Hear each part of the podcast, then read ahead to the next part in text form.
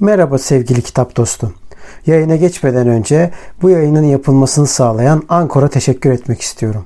Ücretsiz olan Ankor, podcast'inizi doğrudan telefonunuzdan veya bilgisayarınızdan kaydetmenize ve düzenlemenize olanak tanıyan araçları mevcut.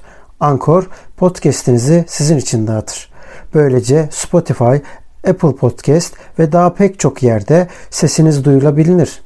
Üstelik minimum dinleyici olmadan podcast'inizde para kazanabilirsiniz. Tek bir yerde podcast hazırlamak için ihtiyacınız olan her şey Ankor'da. Yayına geçmeden önce hadi vakit kaybetmeden ücretsiz Ankor uygulamasını indirin veya başlamak için ankor.fm'e gidin. Şimdi podcast'ime geçebiliriz. Selamlar dostlar. Ben Kitap Dedektifi. Ben Yasin Dede Bekiroğlu. İki uzman olmayan insanla bu haftada yeni bir fantastik konuyla karşınızdayız. Bu haftaki evet. konumuz çok fantastik. Hiç bizim memlekette olmayan bir konu. İşsizlik. Sıfır işsizlik evet. var bizim ülkede. İşsizlik evet. ve iş arama süreci. Evet. Bu konuda master degree noktasında olmama rağmen çırağıma devrediyorum konuşmayı. Evet. Buyurun. Efendim olur mu? Naçizane. Buradan e, kibarlık da birazcık şey yaparak. Yani işsizlik bizim ülkemizde yok. Ben Hollanda'dan bahsediyorum. evet. Yani e, şimdi biz burada tabii bugün herhangi bir doküman üzerinden ya da yapılan analizler üzerinden konuşmayacağız. Direkt olarak kendi yaşadığımız tecrübelerden yola çıkacağız. Daha önce iş, çalışma hayatı üzerine, iş hayatı üzerine zaten Volkan'la, kitap dedektifiyle değerlendirmeler yapmıştık. Yani değerlendirme dediğimiz işte. Gariban analizi diyelim. Evet. Şimdi evet değerli dostum. Şimdi sen daha çok mavi yakalı diye adlandırdığımız bir sektörde çalıştın. Ya onun dışında tabii ki beyaz yakalı çalıştığın dönem de oldu. En çok iş bulmada seni zorlayan alan hangisiydi? Yani iş alanı hangisiydi? Ya beyazda Zorlandı. daha çok tabii canım. Yani akıl emekçiliğinde her zaman daha çok olmuştur. Çünkü kapı önü altın şeyde öneriler vereyim hemen. Kapı önü başvuruları genellikle olumlu döner. Ama internetten başvurular, CV'ler vesaireler onlar genellikle olumsuz da değil, olumlu da değil. Şimdi nasıl oluyor? Yani dönmezler çünkü. Hiç evet. dönmezler. Yani o yüzden sonsuzluk ve ötesidir. Ben babamın iş zamanından bilirim mesela. Kaç yaşında adam emekli oldu diye biliyorum. O dönem ya görüşmediğimiz için şu anda son halini bilmiyorum da o zamanlar yani kaç yıl önce yani 95-96 falandı ki ona daha önceden de vardı. Bir tane reklam hatırlıyorum televizyonda. Çocuktuk o zaman. Ve bu reklamda şey diyorlardı sürekli böyle kendi durumlarının ironisi gibiydi adeta. Yani kapitalizm kendi öz eleştirisini veriyormuş gibi yani. İş başvurusu yapıyorsunuz. Geri dönmüyorlar mı? Arayacağız. Olumlu ya da olumsuz dönüş yapacağız ama dönmüyorlar mı falan de böyle bir reklam mı vardı? Bir klip de olabilir. Böyle bir müzik Bence şey de olabilir. bu hatırladığın şeyi ben ufak ufak böyle bir anımsadım. Bizden yaşça büyük olanlar tabii daha net hatırlayacaklardır. Sarı sayfalar vardı. Bu Meşhur, evet. E, tabii yani gazetede hatta Levent Kırca'nın Hoca'nın e, bir skecinde de vardı. Association Press diyemiyordu bir türlü.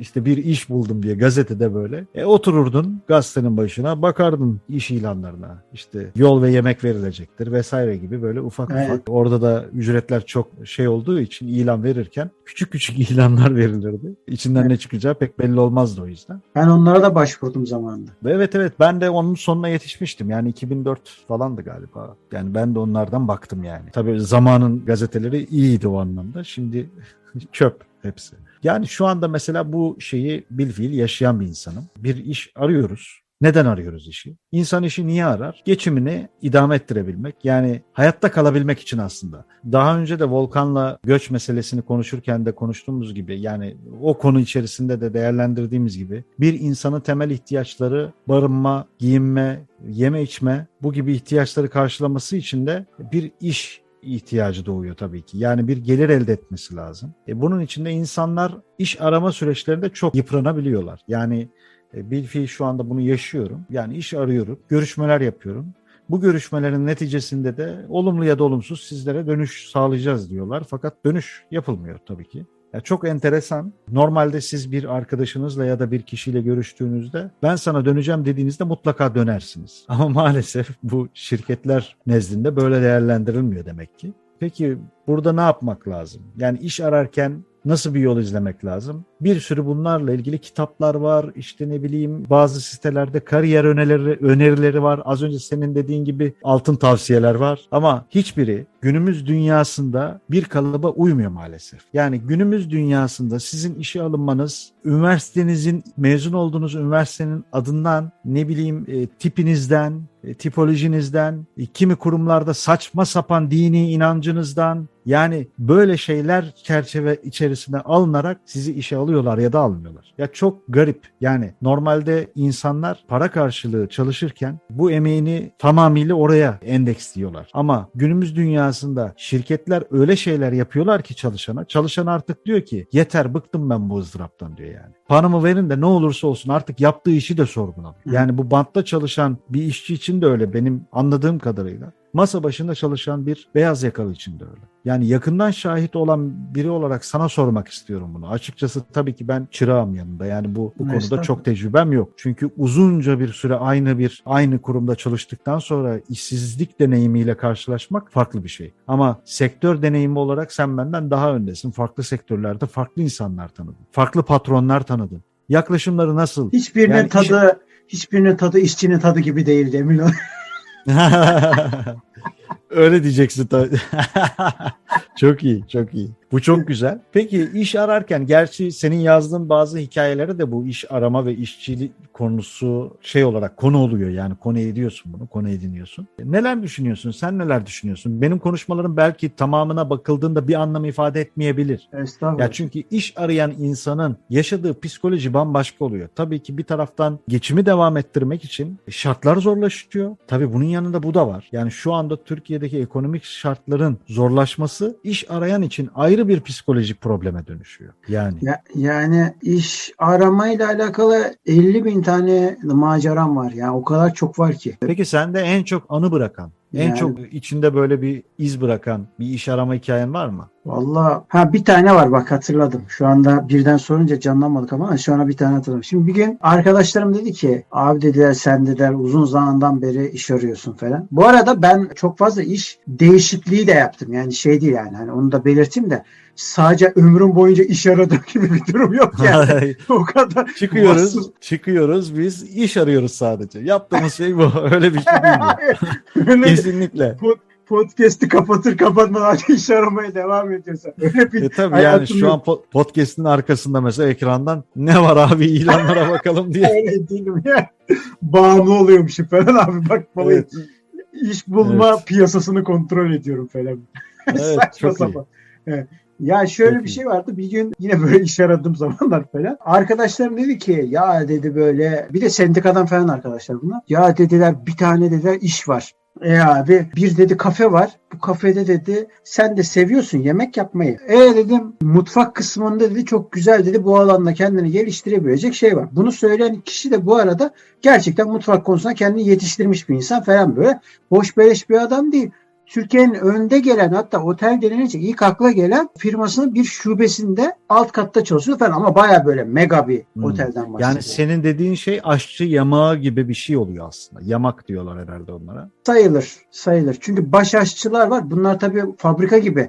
İnsanlar şey zannediyor. Otellerde böyle hadi bakayım takılıyoruz. 3-5 kişi çalışıyor falan filan. Hayır, sen, Hayır. sana özel Hayır. demiyorum yani. Böyle zannediyor. Tabii, tabii yani orada orada bir sistem var. O tabii, sistem tabii. içerisinde Yemek Mesela üretiliyor. ara sıcaklarda farklı ustalar var, şeyler var, e, ana yemeklerin farklı ustaları var, soğuklarda farklı var, salatalarda farklı var, garsonlar var, şef garsonlar var. İnanılmaz bir kadro. Aslında yani neredeyse... bu şey gibi senin dediğin tarife göre sanki bir bant sistemi var. Bu banttakiler işte ekranı monte ediyor, tabii, tabii, bu banttakiler tabii. bunu yapıyor. Evet evet evet. Hatta bazı yerlerde ger tam anlamıyla bant sistemi var. Yani gerçekten bant sistemi hmm. var yani. Mesela örnek vereyim konu geldi diye söylüyorum. Marka vermekte mahsur yok yani. Türk Hava Yolları'nın böyle bir fabrikası var. Yemek fabrikası. Hani bu Pegasus falan şey yapıyor ya. Binersin uçağa Orada işte hangi yemeği istersin falan diye sorarlar. Orada hı hı. senin önüne gelen paket onun fabrikasından çıkmadır. Ya gerçekten fabrika. Mesela örnek veriyorum adam sadece önüne konan bir muzu koyuyor. Öbürü işte mandalinayı koyuyor. Bilmem neyi koyuyor. Meyve, meyve tabağı evet. gibi. Evet. Ondan evet. falan. Ama bu benim dediğim daha farklı bir sistem falan. Neyse böyle bir adam söylüyor ve baş aşçı yardımcısı bunu söyleyen kişi falan. Ya dedim o zaman hani iyidir falan. Bir de gaza da getirdi adam. Tamam mı? Dedi ki, ya dedi sen dedi yaparsın zeki adamsın çevresinde. Ben de hemen moda girdim. Yaparım tabii falan böyle. Ondan Yapılmayacak sonra, şey mi kardeşim evet, falan diye. Aynen öyle falan. Orada diyor ne adamlar yapıyor diyor. Sen diyor neler yaparsın falan. Hemen, Vermiş gazı. Tabii tabii. Ondan sonra hemen başvuruyu şey yaptım. Tamam dediler bilmem kaçta gel görüşelim. Gittim abi. Bak yer yine Nişantaşı. Bak gerçekten ama.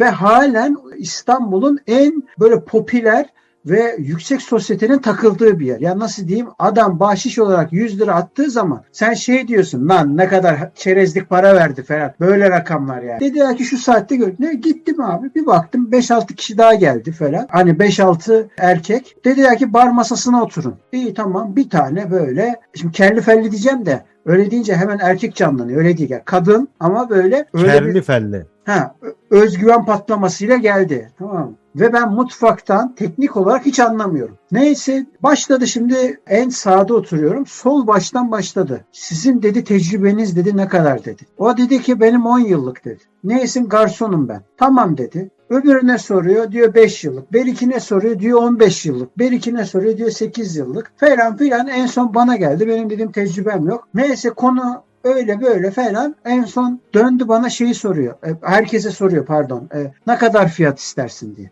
Ki mesela toplu bölgede, toplu görüşme sırasında tek tek maaş sormak bu terbiyesizliktir çok net terbiyesizliktir yani. Eğer sen sözleşmeye şey diye yazıyorsan herkesin maaşı kendini bağlar. Kimse kimseye maaşını sormayacaktır. Paylaşamaz.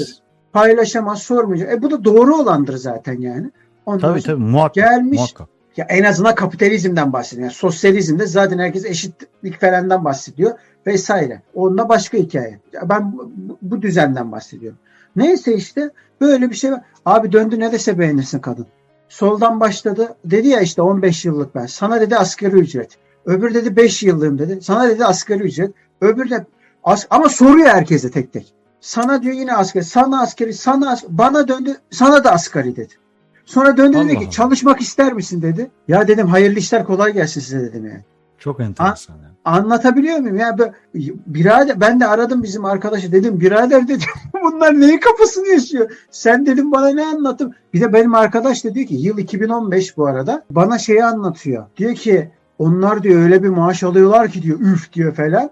Ki 2015 için 5000 lira falan iyi rakam. 5000 lira falan alıyorlar diyor. Hatta diyor bir bahşişler alıyor diyor. İnanamam. Bazen diyor iki katına maaş çıkıyor falan. Böyle anlatıyor falan. Lan dedim böyle böyle. Lan diyor nasıl diyor orası öyle diyor falan. Böyle saçma sapan bir hikaye yani. Yani şimdi iş görüşmelerinde işte şeyin sorulması şimdi günümüz şartlarında farklı tabii şimdi artık maaştan ziyade ya maaş genel olarak kişisel görüşmede birebir görüşmede soruluyor. Kişisel özelliklerin şu anda sorgulanmıyor. Yani hani doğru olan da bu zaten. Hı. Kişinin kişisel yaşantısı iş dışında kapıdan çıktıktan sonra ne yaptığı kendisini ilgilendirir. Yani kurumlarda, işe alımlarda ben bundan 20 sene önce karşılaştım. Yani abuk subuk dini inancına kadar sorgulanıyordu Hı. kimi kurumlarda. Ya bu ne kadar ayıp bir şey. Yani biz bir iki kişi ya da üç kişi bir ortamda çay kahve içip birileriyle tanıştığımızda bile soru sorarken çekiniyoruz. Ben kendimi kastediyorum. Seni kastediyorum burada. Hı. Yıllar evvel bir e, Mısır'dan bir öğrenci değişimiyle Türkiye'ye gelen biriyle tanışmıştım. Tabii ki onlar çok iyi İngilizce konuşuyorlar. Oturduk böyle sohbet, e, muhabbet bir arkadaşımız var. İngilizceyi çok iyi biliyor. Sohbet ediyoruz. Arkadaş tabii ki yanımızda biri daha vardı. İşte evli misin, bekar mısın bu tarz şeyler soruyor falan. Döndü bu arkadaş bize dedi ki ya dedi Türkiye'de veya diğer Türkiye'ye yakın yerlerde neden dedi kişinin dedi sürekli evli olup olmadığı, yalnız yaşayıp yaşamadığı, çocuğu olup olmadığı bu tarz şeyler soruluyor dedi. Yani normalde tanıştığın ilk insana bunlar sorulmaz dedi. Aynı şey bence iş görüşmeleri için de geçerli. 3-4 kişiyle yaptığın bir görüşmede eğer yanında başka bir işçi varsa orada yani ayıptır ne kadar maaş istiyorsun diye sormak. Birebir görüşmede elbette ki kişinin talebini alırsın ama senle ben bir yere gittiğimizde bile e, ki şu anda bile o kadar yakın olmamıza rağmen hiçbir zaman biz maaşlarımızı konuşmamıştık seninle. Tabii tabii. Yani evet. iki arkadaş e, dost olsak bile sormadık hiçbir zaman. Evet. Tabii ki ihtiyacımız olduğunda birbirimize koşuyoruz. ayrı bir şey. Ama iş arama süreçlerinde şunu anlamaları lazım işverenler. İşe gelecek olan adam öncelikle sen bu adamın bu işe talip olup olmadığını tabii ki yapıp yapamayacağına karar verecek olan sensin. Çünkü işi veren sensin. Ama bir insanın iş aramaya gelen bir insanın ilk hedefinin gelir olduğunu gözünün önüne koyması lazım. Yani ilk aşama bu. Tabii ki oradaki huzur önemli. Fakat O zaman Yasin'ciğim neden biz?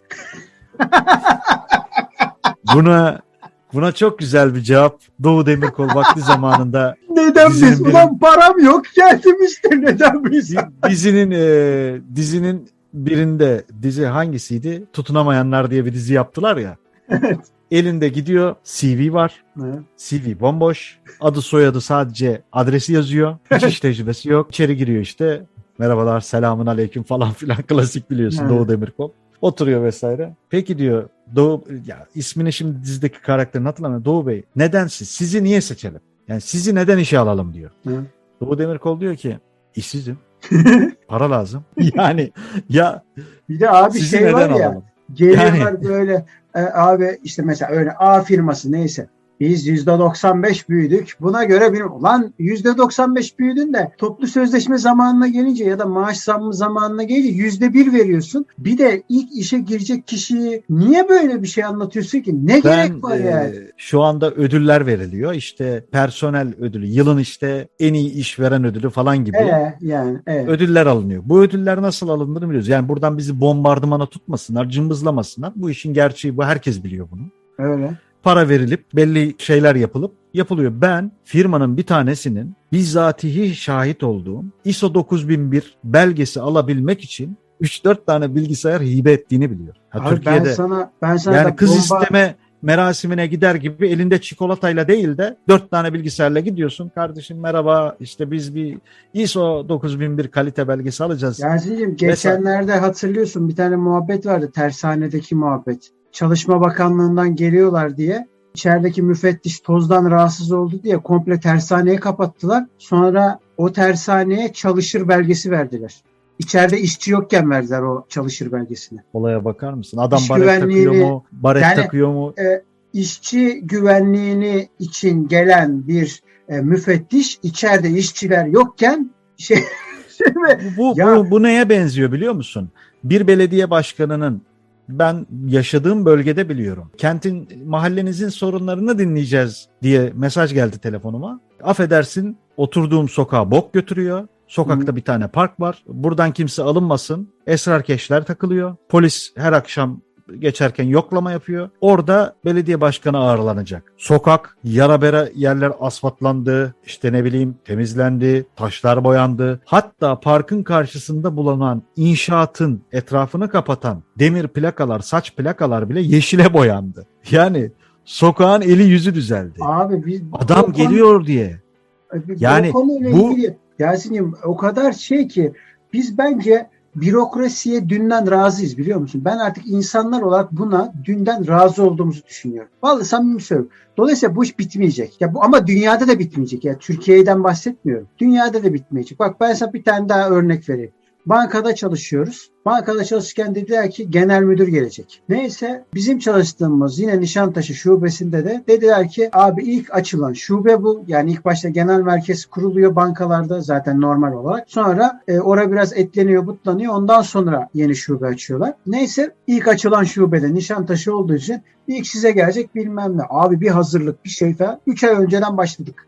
Hadi 3 ay olmasın 2 ay yani. Ama bir ay değil yani ona eminim. Neyse bir hareketlilik bir şey bir jilet gibi oldu falan ortalık ama nasıl böyle? Ama kendilerinden geçtiler temizlik yaparken adam duvarları siliyor. Tamam mı? Duvarları siliyor. Bıraktı onu tavanı silmeye başladı. Am- Ama gerçekten tavanı siliyor. Neyse koşuyoruz abi. iyi. Ondan sonra dediler ki neyse Beşiktaş şubeye gelmiş dediler. Aradan iki ay ya da dediğim gibi üç ay geçtikten sonra. Allah dediler Beşiktaş şube hemen bizim dibimiz zaten falan bir daha bir hareketlilik falan filan. Yine tavanlar yerler cartlar cırtlar falan filan. Ya utanmasa tuvaletin klozetini sökecek yeni klozet takacak. Yani hani temiz olsun falan. O kafadalar yani. Ondan sonra falan ama coşmuş ama nasıl kendinden geçti yani. Ve bizim bu arada temizlikçimiz de yani kimse kusura bakmasın hiç de temiz bir adam değildi yani. Adam ama kanter içinde çalışıyor falan. Öyle yani kendinden geçti. Neyse. Abi gelmedi adam. Neyse bu sefer şeye geçti. Dediler ki Levent şubeye geliyor. Haydi dediler bundan sonra şey. Bu arada şimdi şubeler bir nasıl diyeyim bir garanti bankası gibi falan olmadığı için böyle hani Levent şubeyle bizim aramızda çok bir mesafe yok. Öyle diyeyim yani. Hani ondan sonra Anladım. bize gelebilir. Hı. Abi adam gelmeyesi tuttu. Abi bir Hı. iki haftada öyle attı falan. Hadi diyeyim bir buçuk hafta falan. Çünkü zaman geçti üstünden şey yapmayayım. e, yalan söylemeyeyim yani. Ondan sonra velhasıl neyse adam sonunda geldi. Teşrif etti diyeyim. Yasin adam içeride kaç dakika durdu biliyor musun? Toplam bak yeminler olsun 3 dakika. Yani şubede arkadaşlar merhaba dedi. Hiçbirimizin elini sıkmadan bir selam verdi böyle. Sonra müdürün odasında bir dakika durdu. Gel bakın bir saat değil bir dakika. Bir dakika durdu. Aşağı indi. Bizim elimizi tek tek sıktı. Bu da bir dakika sürdü. Zaten kaç personel var yani.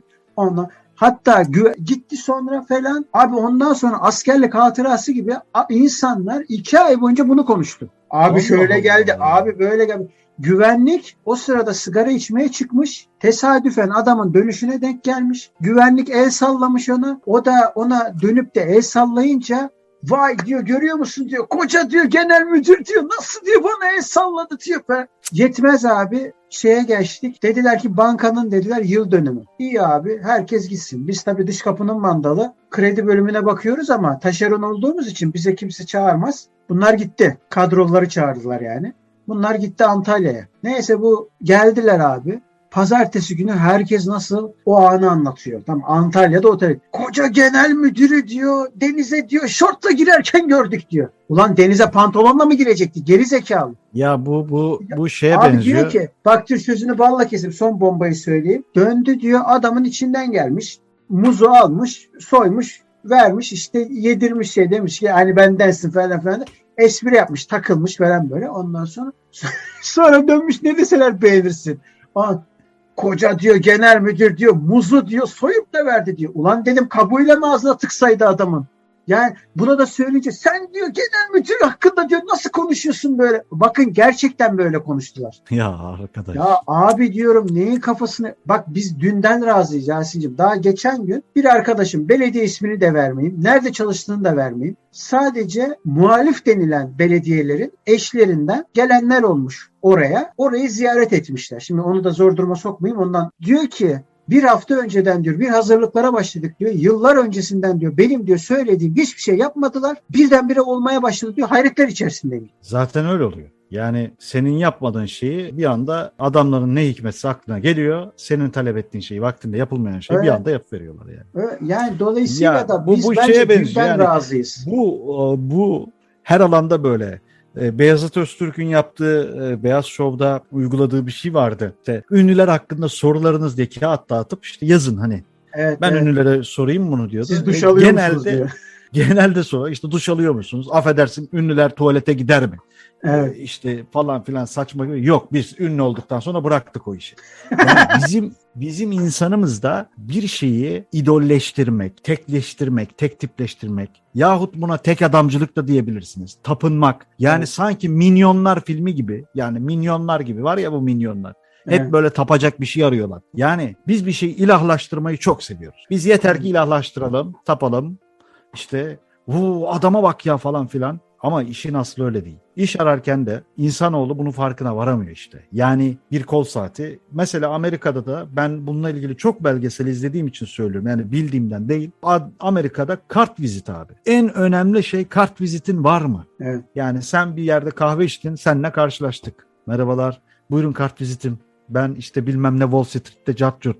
Hı hı. Yani iş global dünyada da böyle. Sadece Türkiye'ye özgü değil. Türkiye yarım yamalak buraya birazcık şey olduğu için son işte Turgut Özal döneminden sonra bu sektör şeyleri değiştiği için işte ne bileyim serbest piyasa dedikleri mevzu Hı. yüzünden Hı. e, kim ne yapacağını şaşırdı. Yani e, ben biliyorum çalıştığım bankada ne dolandırıcılıklar oldu. Adam tabii ki iyi okumuş şey falan ama bir bakıyorsun adam Sülün Osman.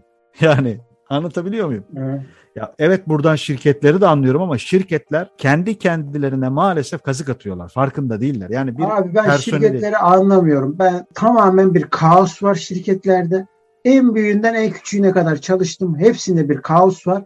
Ve ben bunların hepsinin aptal olduğunu düşünüyorum. Bak çok net söylüyorum. Ya bu Twitter'da bile biliyorsun. Yani Hepsini derken Twitter- bu arada isim yapmışlardan bahsediyorum yani.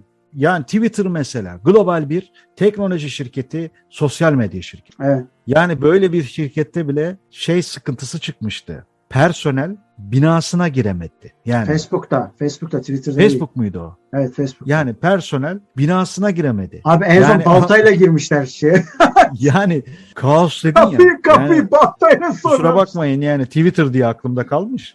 Dil sürçmesi diyelim. Yok yok Ee, şey hayır şey bomba yani kapıyı en son baltayla kaçmaya çalışıyor. Bu işte aslında orada ne kadar büyük bir kaosun olduğunu gösteriyor. Yani bu şirketlerdeki terfi süreçlerinde de aynı. Bu düşünsene Wall Street'te abi elinde baltayla şeye girmeye E, çalışıyor. abicim yani adamlar e, Beyaz Saray'ı bastı şeyle biliyorsun yani. Öyle öyle tipleri de bak Evet. kafayı da koymuş şey Rakun'un şeyini artık gerçek midir diyeyim. Umarım değildir gerçek.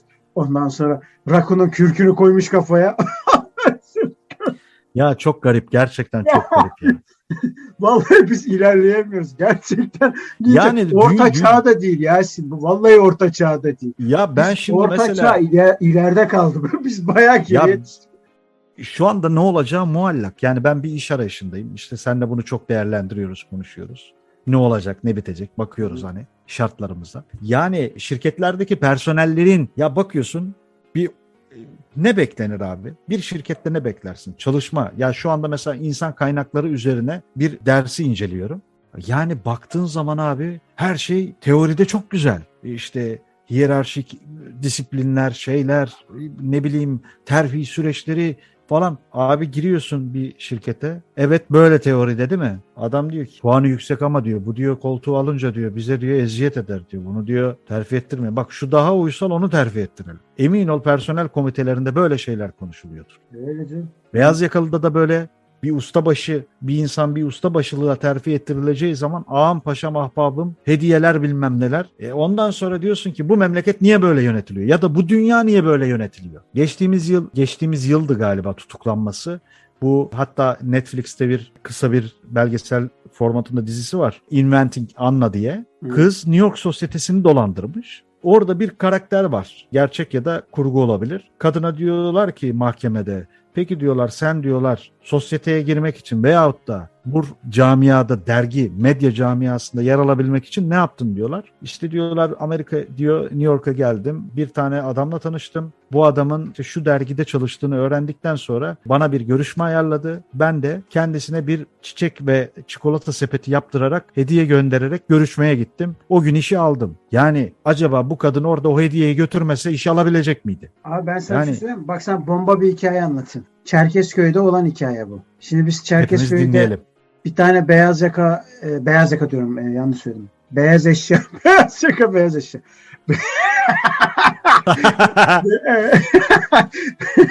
Bunu da silmeyeceğim özellikle. Beynimizin beynimizin ne kadar yandığını anlayın arkadaşlar. Yaka e, değil tabii ki. Beyaz eşya fabrikası vardı. Ondan sonra beyaz eşya fabrikasında çalış- çalışırken ilk zamanlar bu arada bir elemanla tanıştım tamam mı?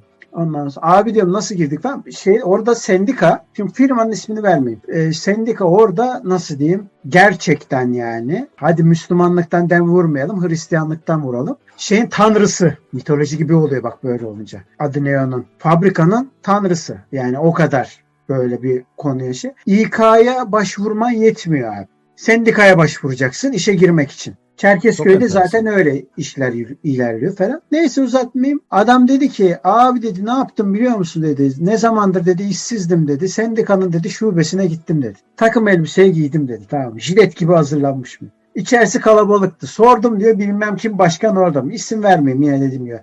Orada mı? Dediler ki diyor evet içeride. Girdim diyor içeri diyor. Ona, bak hiç kimse de sormuyor sen kimsin diye sormuyor. Girdim diyor içeri.